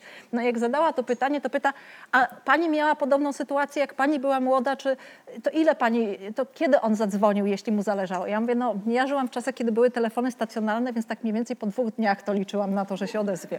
Tak? Ona mówi, ale jak dwóch dniach? Dwóch dniach to już by znaczyło, że on mnie nie kocha. Tak? Jak skraca się ten czas, tak? że bardzo często nam trudno wytrzymać z tym niepokojem, szczególnie w tej pierwszej fazie zakochania, tak? że bardzo trudno nam wytrzymać w takich sytuacjach, w których ktoś nie daje odpowiedzi, że traktujemy to jako właśnie brak, brak odpowiedzi jako coś negatywnego, że musimy natychmiastowa musi być informacja, gratyfikacja, odpowiedź, tak? Jak gdyby szereg różnych rzeczy z tym związanych i oczywiście to też powoduje taką trudność w odraczaniu różnych rzeczy, w budowaniu. E, I mówi się o tym, że jeśli nawet rozwinęły się takie kontakty elektroniczne, tak, bo rozwinęła się ta sieć elektronicznych kontaktów, to tak naprawdę sieć kontaktów w rzeczywistym świecie się skurczyła. Że sieć bliskich relacji, z którymi my jesteśmy, z którymi my przeżywamy różne rzeczy wspólnie, z którymi spotykamy się, tak, tak to ta sieć realnych kontaktów się zmniejszyła. E, tu bardzo lubię ten cytat na który też powołuje się Susan Pinker, nawiązujemy więzi z mnóstwem ludzi, spośród których nikt nie jest ani bliższy, ani dalszy. Tak? Że mamy mnóstwo znajomych. Proszę zobaczyć, e, znajomych na Facebooku, tak? czasami 400, 600 znajomych. I to wcale nie powoduje, że my czujemy się mniej samotnie. Poza tym, część osób wśród tych naszych znajomych to są ludzie, z którymi gdybyśmy się spotkali na ulicy albo gdybyśmy minęli te osoby na ulicy, to nawet byśmy cześć nie powiedzieli, bo możemy ich nie rozpoznać nawet. Tak? Ale mamy ich w grupie znajomych. I też ta sieć kontaktów internetowych wcale nie wpływa na poczucie realnych więzi. To, co się mówi o współczesnych czasach i o budowaniach relacji, to, że ludzie wychowujący się teraz w tych czasach mają taką umiejętność szybkiego nawiązywania kontaktów, bezpośredniego nawiązywania kontaktów, łatwości nawiązywania kontaktów, ale trochę na zasadzie takiej jak w restauracjach typu fast food. E, wchodzę, wychodzę, że częściej to są bardzo szybkie kontakty, bardzo łatwo nawiązywane, ale niebudowane że na zasadzie wchodzenia w relacje i wychodzenia z relacji. Tak? Oczywiście nie dotyczy to całych osób, mówię o takim społecznym, tak, jak gdyby mechanizmie, że ludzie też, to co się obserwuje w związkach, znacznie szybciej wychodzą z relacji partnerskich. E, ja coraz częściej mam w gabinecie osoby, które mają 26 lat i przychodzą na przykład po rozwodzie w małżeństwie, którzy mieli rok albo dwa. Tak? Żyją ze sobą, nie udaje się, szybciej się rozchodzimy. I oczywiście to nie są tylko negatywne zjawiska, tak? bo nie mówię o tym, że przeżycie całego życia z kimś jest sukcesem, jeśli ten związek jest destrukcyjny. Tak? Ale kiedyś ludzie dłużej funkcjonowali w tym związku, tak? ale też trudniej i później przychodzili na terapię. Teraz młodzi ludzie albo osoby współcześnie żyjące szybciej przechodzą na terapię, jak zaczyna się coś psuć, a nie wtedy, kiedy skaczą sobie na głowę, ale też minus jest taki, że szybciej wychodzą ze związków, że w momencie, kiedy pojawia się trudność, kiedy pojawia się jakiś gorszy czas, wychodzę. Dlaczego? Bo mam możliwość znalezienia innych relacji, poznania innych osób, tak? chociażby też dzięki internetowi. Drugą rzeczą, która wiąże się e, jak gdyby z, z tego typu relacjami, to niestety, że trochę taki, o którym będę mówić też w paradoksie internetu, że im więcej e, jak gdyby tych relacji mamy w sieci, to niekoniecznie, im bardziej funkcjonujemy w sieci, to niekoniecznie rozwijamy różne umiejętności społeczne, które są ważne w bezpośrednim kontakcie.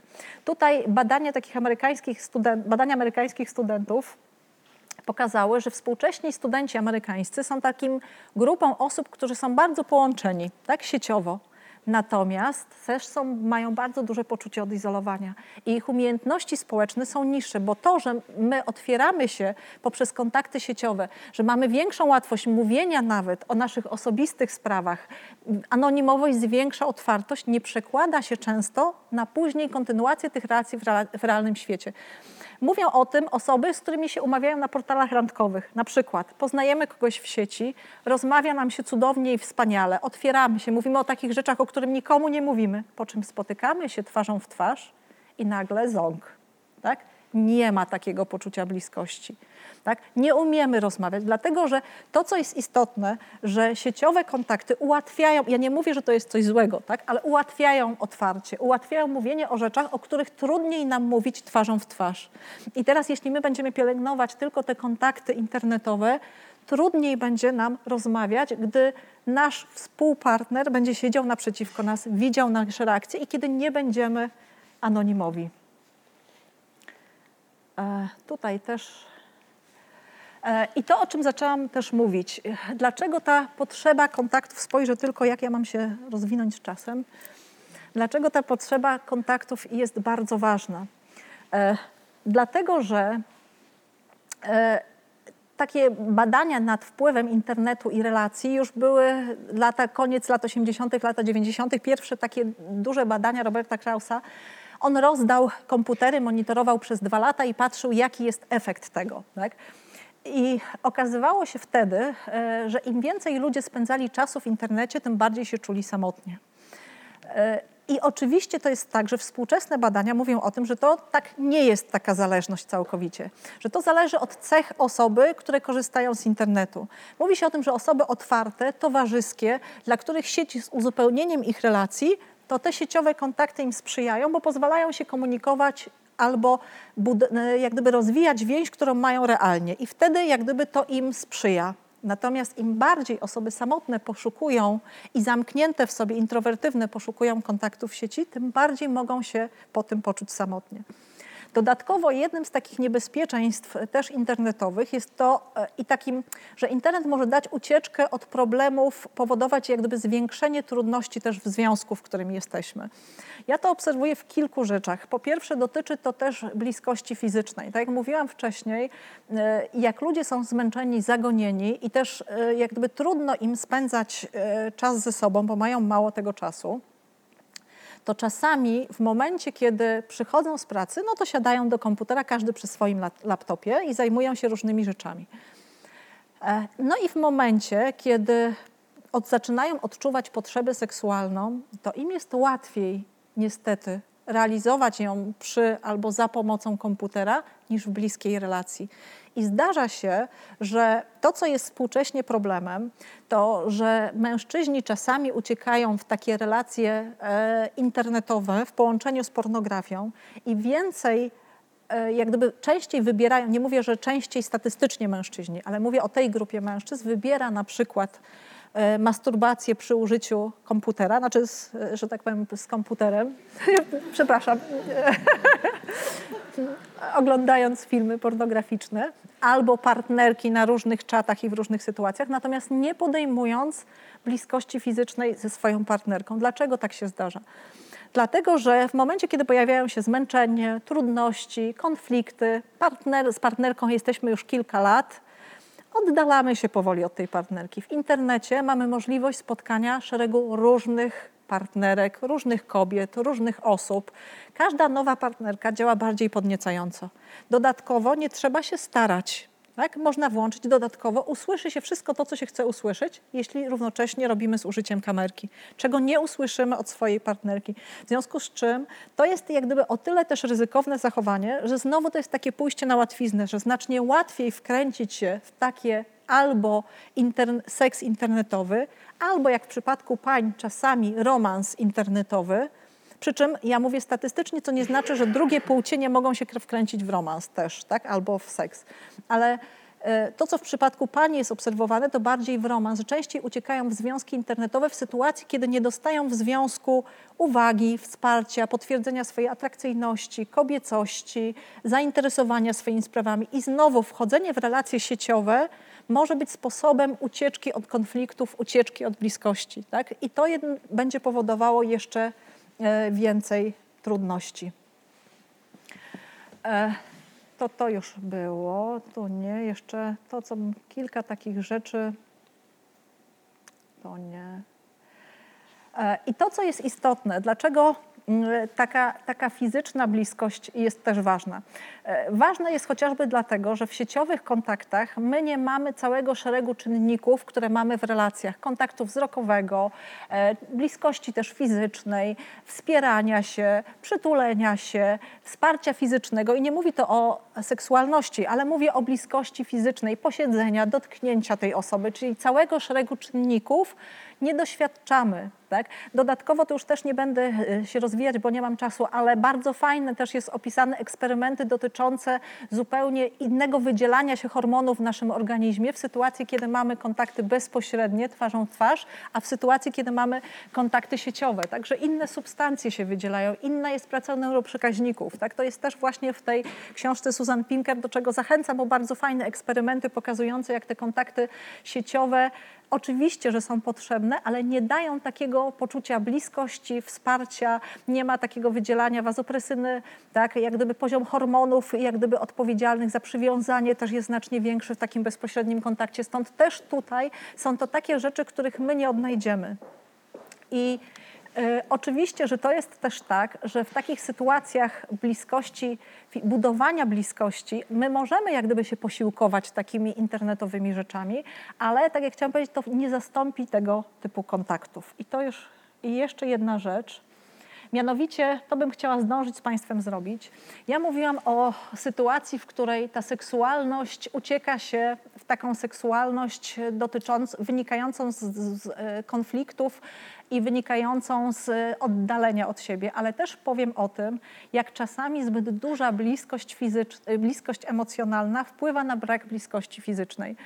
E, to jest taka sytuacja, dotyczy to takich par, w których E, osoby są bardzo blisko emocjonalnie związane z sobą, bardzo się dobrze ze sobą czują, e, przyjaźnią się ze sobą, e, zwierzają się ze sobą, wspierają się ze sobą, są swoimi najlepszymi przyjaciółmi, ale czasami w tych związkach brakuje jak gdyby tego elementu erotycznego, namiętności. Chciałabym wyjaśnić, na czym to polega. Więc wydaje się, jak gdyby tak pozornie, że bliskość, intymność i przyjaźń jest czymś świetnym w związku i oczywiście, że jest, ale jeśli my przykładamy zbyt dużą wagę do tego, to niestety spada namiętność. Już nie będę tych wszystkich slajdów pokazywać, dlaczego to jest, powiem w skrócie, bo mamy bardzo krótki czas. Z czego to wynika? Wynika to z tego, że e, mówi się o tym, że istnieją jak gdyby takie trzy siły w związku. Tak? Si, e, jak gdyby siła związana z miłością romantyczną i z taką miłością dotyczącą bliskości, chęci. Gdy się zakochujemy w partnerze, to ta osoba jest dla nas najważniejsza. My skupiamy na niej całą uwagę. Obsesyjnie o niej myślimy. Tak? Czasami się wydaje, że ta osoba jest najważniejsza, że ona wszystko robi inaczej niż inni. Tak? Że mamy tendencję do zauważania takich rzeczy u niej, u których u innych byśmy nie zauważali. Często ta miłość romantyczna, takie zakochanie jest porównywane do nałogu, tak? bo ciągle zniekształcamy widzenie tej osoby, widzimy ją w różowych okularach. Ale to jak gdyby dzięki takiemu zakochaniu i miłości, jak gdyby też interesujemy się osobą. Drugi aspekt to jest jak przywiązanie, to jest taka budowanie relacji e, bliskości. To jest to, o czym Helen Fisher mówi, że dzięki przywiązaniu ludzie mogą się znieść po prostu. Tak? Czyli takiego budowaniu wspólnoty i zaangażowania jesteśmy w stanie poradzić sobie z naszą innością i z trudnymi rzeczami. Tak? No i trzeci aspekt, e, taki relacyjny, to jest namiętność, erotyzm, to jest seks. Tak? I teraz zdarza się tak, że jeżeli te dwie pierwsze kwestie, o których mówiłam, czyli taka miłość, bliskość fizyczna i chęć takiego bycia z partnerem, spędzania czasu z partnerem, dzielenia się wszystkimi rzeczami z partnerem jest tak duża, że prawie się tworzy symbiotyczna relacja, że my wszystko chcemy robić z partnerem, że chcemy się z nim zlewać, że chcemy z nim dzielić się wszystkimi emocjami, że chcemy jak gdyby być bardzo blisko siebie, że tak naprawdę zdarza się, że pary nie mają swojego osobnego świata, bo świat mój jest światem drugiej strony. Dzielimy się wszystkimi. Tak? To powoduje, że ludzie są tak blisko ze sobą, że nie ma tej przestrzeni na ten trzeci aspekt, że nie ma przestrzeni na to, żeby odkrywać partnera, żeby doświadczać nowości, żeby zobaczyć tego partnera trochę z innej perspektywy, bo my mamy poczucie, że znamy partnera jak e, swoją kieszeń. To jest bardzo bezpieczne bo, bo wiemy, że nie spotyka nas ze strony tego partnera nic zagrażającego, że on nas nie zdradzi, że on dla nas wszystko zrobi, że jest lojalny, ale często w takich sytuacjach powoduje to, że stracimy zainteresowanie erotyczne partnerem. Bo to, co powoduje, tu już nie będę o to wchodzić, ale to, co, co jest jak gdyby fundamentem miłości, to chęć bliskości, zlania się, poczucia bezpieczeństwa, ale to, co jest fundamentem pożądania, to trochę tajemnicy, trochę odkrywania się, trochę nowości, trochę przestrzeni. I tu nie chodzi o to, żeby w związku budować sztucznie przestrzeń. Tak? Ale jak my będziemy sobie wyjadać z dzióbków i będziemy o wszystkim wiedzieli, to tak naprawdę pytanie o czym, co będziemy w sobie też odkrywać. Tak?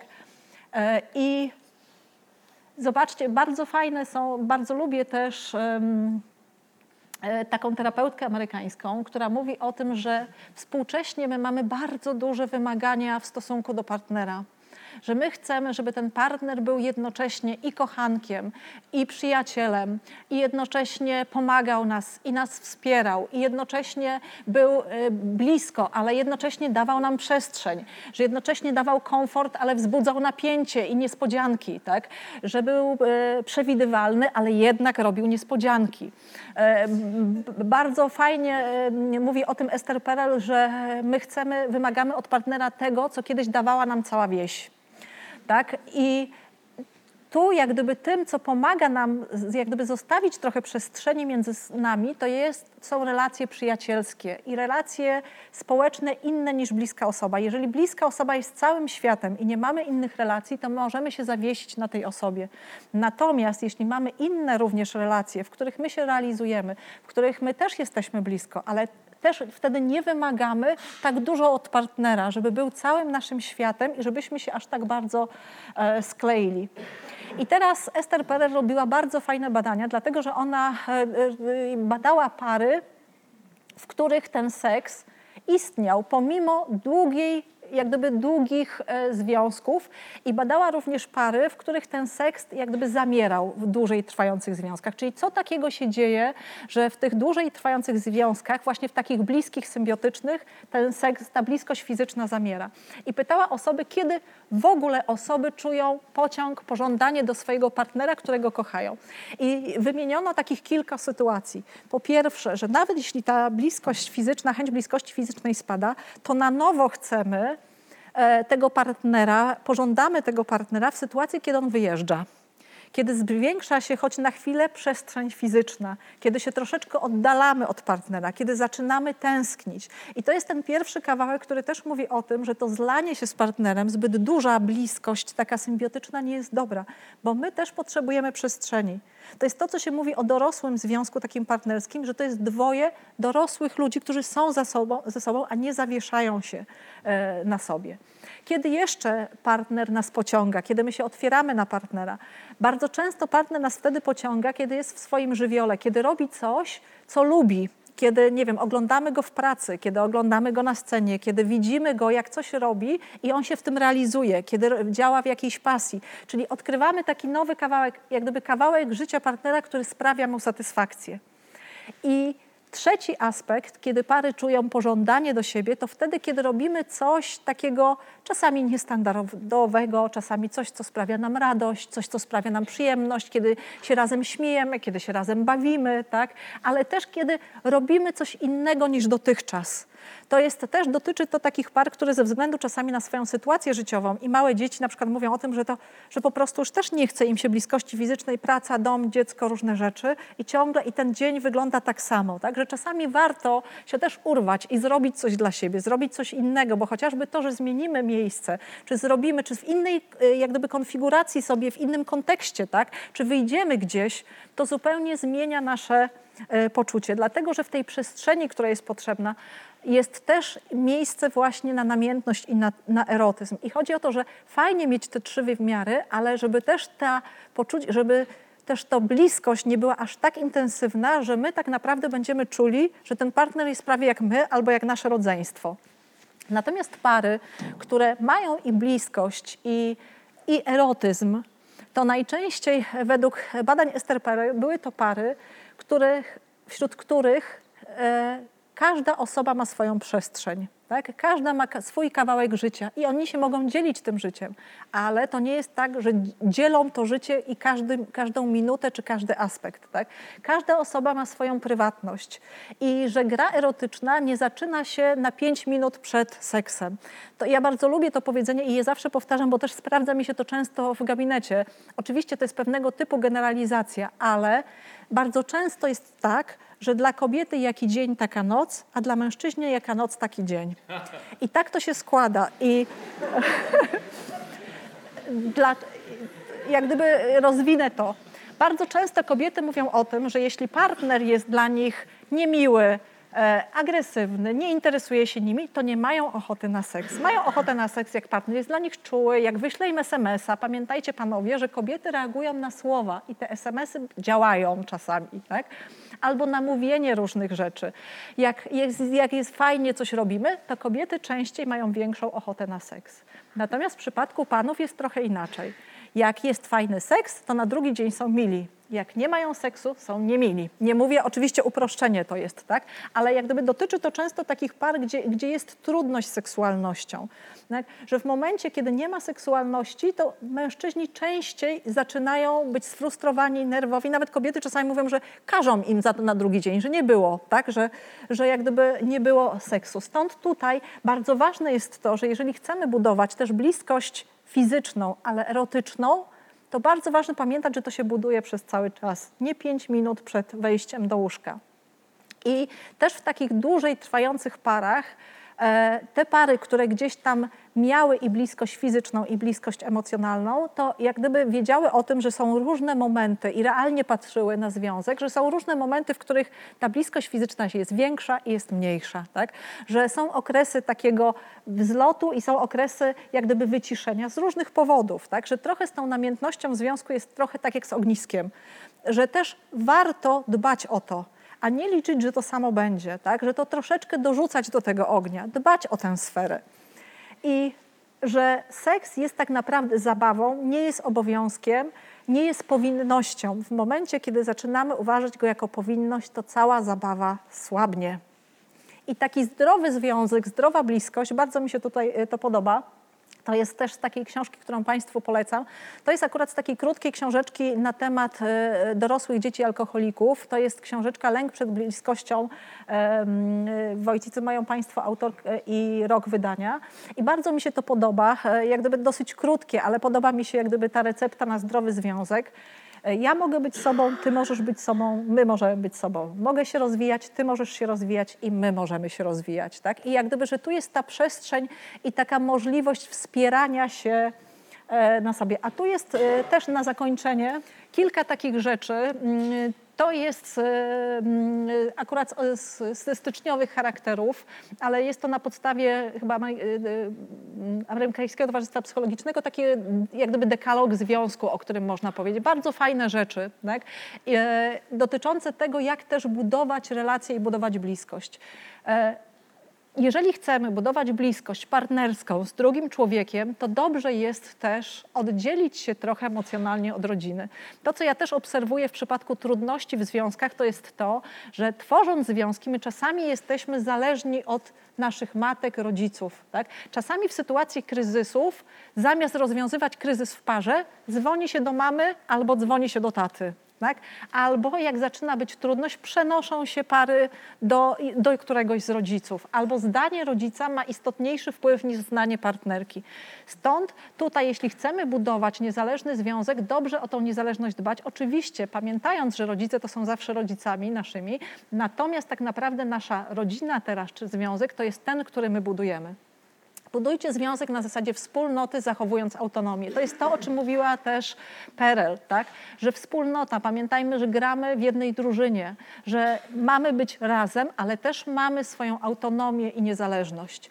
Bądźcie siebie ciekawi i swoich motywów, poznawania się, tak? rozwijania się. Jeśli druga osoba ma możliwość rozwijania się, to będzie też dla nas ciekawą osobą. Tak? Będzie dla siebie ciekawą osobą i nie będzie miała poczucia duszenia się w związku. Stąd jak gdyby możliwość rozwoju, że i ja i ta druga osoba możemy się rozwijać, daje nam jak gdyby duże zasoby do budowania związku. Dbajcie o życie seksualne, bo to jeśli dla osób jest ważne, to też buduje bliskość. E, I to, co jest też istotne, bardzo fajna rzecz, bo gdzieś to też obserwuję, że najczęściej przychodzą pary w sytuacji, kiedy dziecko ma jakieś 6-7 miesięcy. Tak? Bardzo często się pary pojawiają, dlatego że pojawienie się dziecka, pierwszego dziecka zmienia funkcjonowanie pary. Że jeżeli oni dogadywali się przed posiadaniem dziecka, to w sytuacji czasami pojawienia się dziecka, gdzie zmieniają się, zmienia się tryb życia, zmieniają się role, trudno im się dogadać. I tu też to jest taki moment często, gdzie warto przedyskutować jeszcze raz, że tak samo nie da się żyć jak przed urodzeniem. Nie będziemy mieć tyle czasu dla siebie, możliwości takich, tak? Kwestie podziału ról i obowiązków. Nie unikajcie konfliktów. To jest jak gdyby też kolejna ważna rzecz, że to nie kwestia konfliktów, że ważne jest, żeby te konflikty nauczyć się rozwiązywać. Tak? To nie, konflikty nie są wyrazem złego związku, tylko brak umiejętności rozwiązywania. W obliczu przeciwności wspierajcie się, róbcie razem rzeczy, które sprawiają Wam radość. To jest też to, o czym mówiłam, że jeżeli coś wspólnie robimy, co sprawia nam przyjemność, radość, też to buduje poczucie bliskości. Gdy pojawiają się trudności, rozmawiajcie, jak im zaradzić i pamiętajcie, że gracie do jednej bramki. To, co ja też w gabinecie mówię, w jednej drużynie, tak, że nie przeciwko sobie, że jak pojawia się konflikt, to czasami jest ping-pong. Nie, my mamy wspólny cel, jeśli mamy nadal. Tak? I zakładajcie, że partner ma dobre intencje. To tyle. Dziękuję bardzo.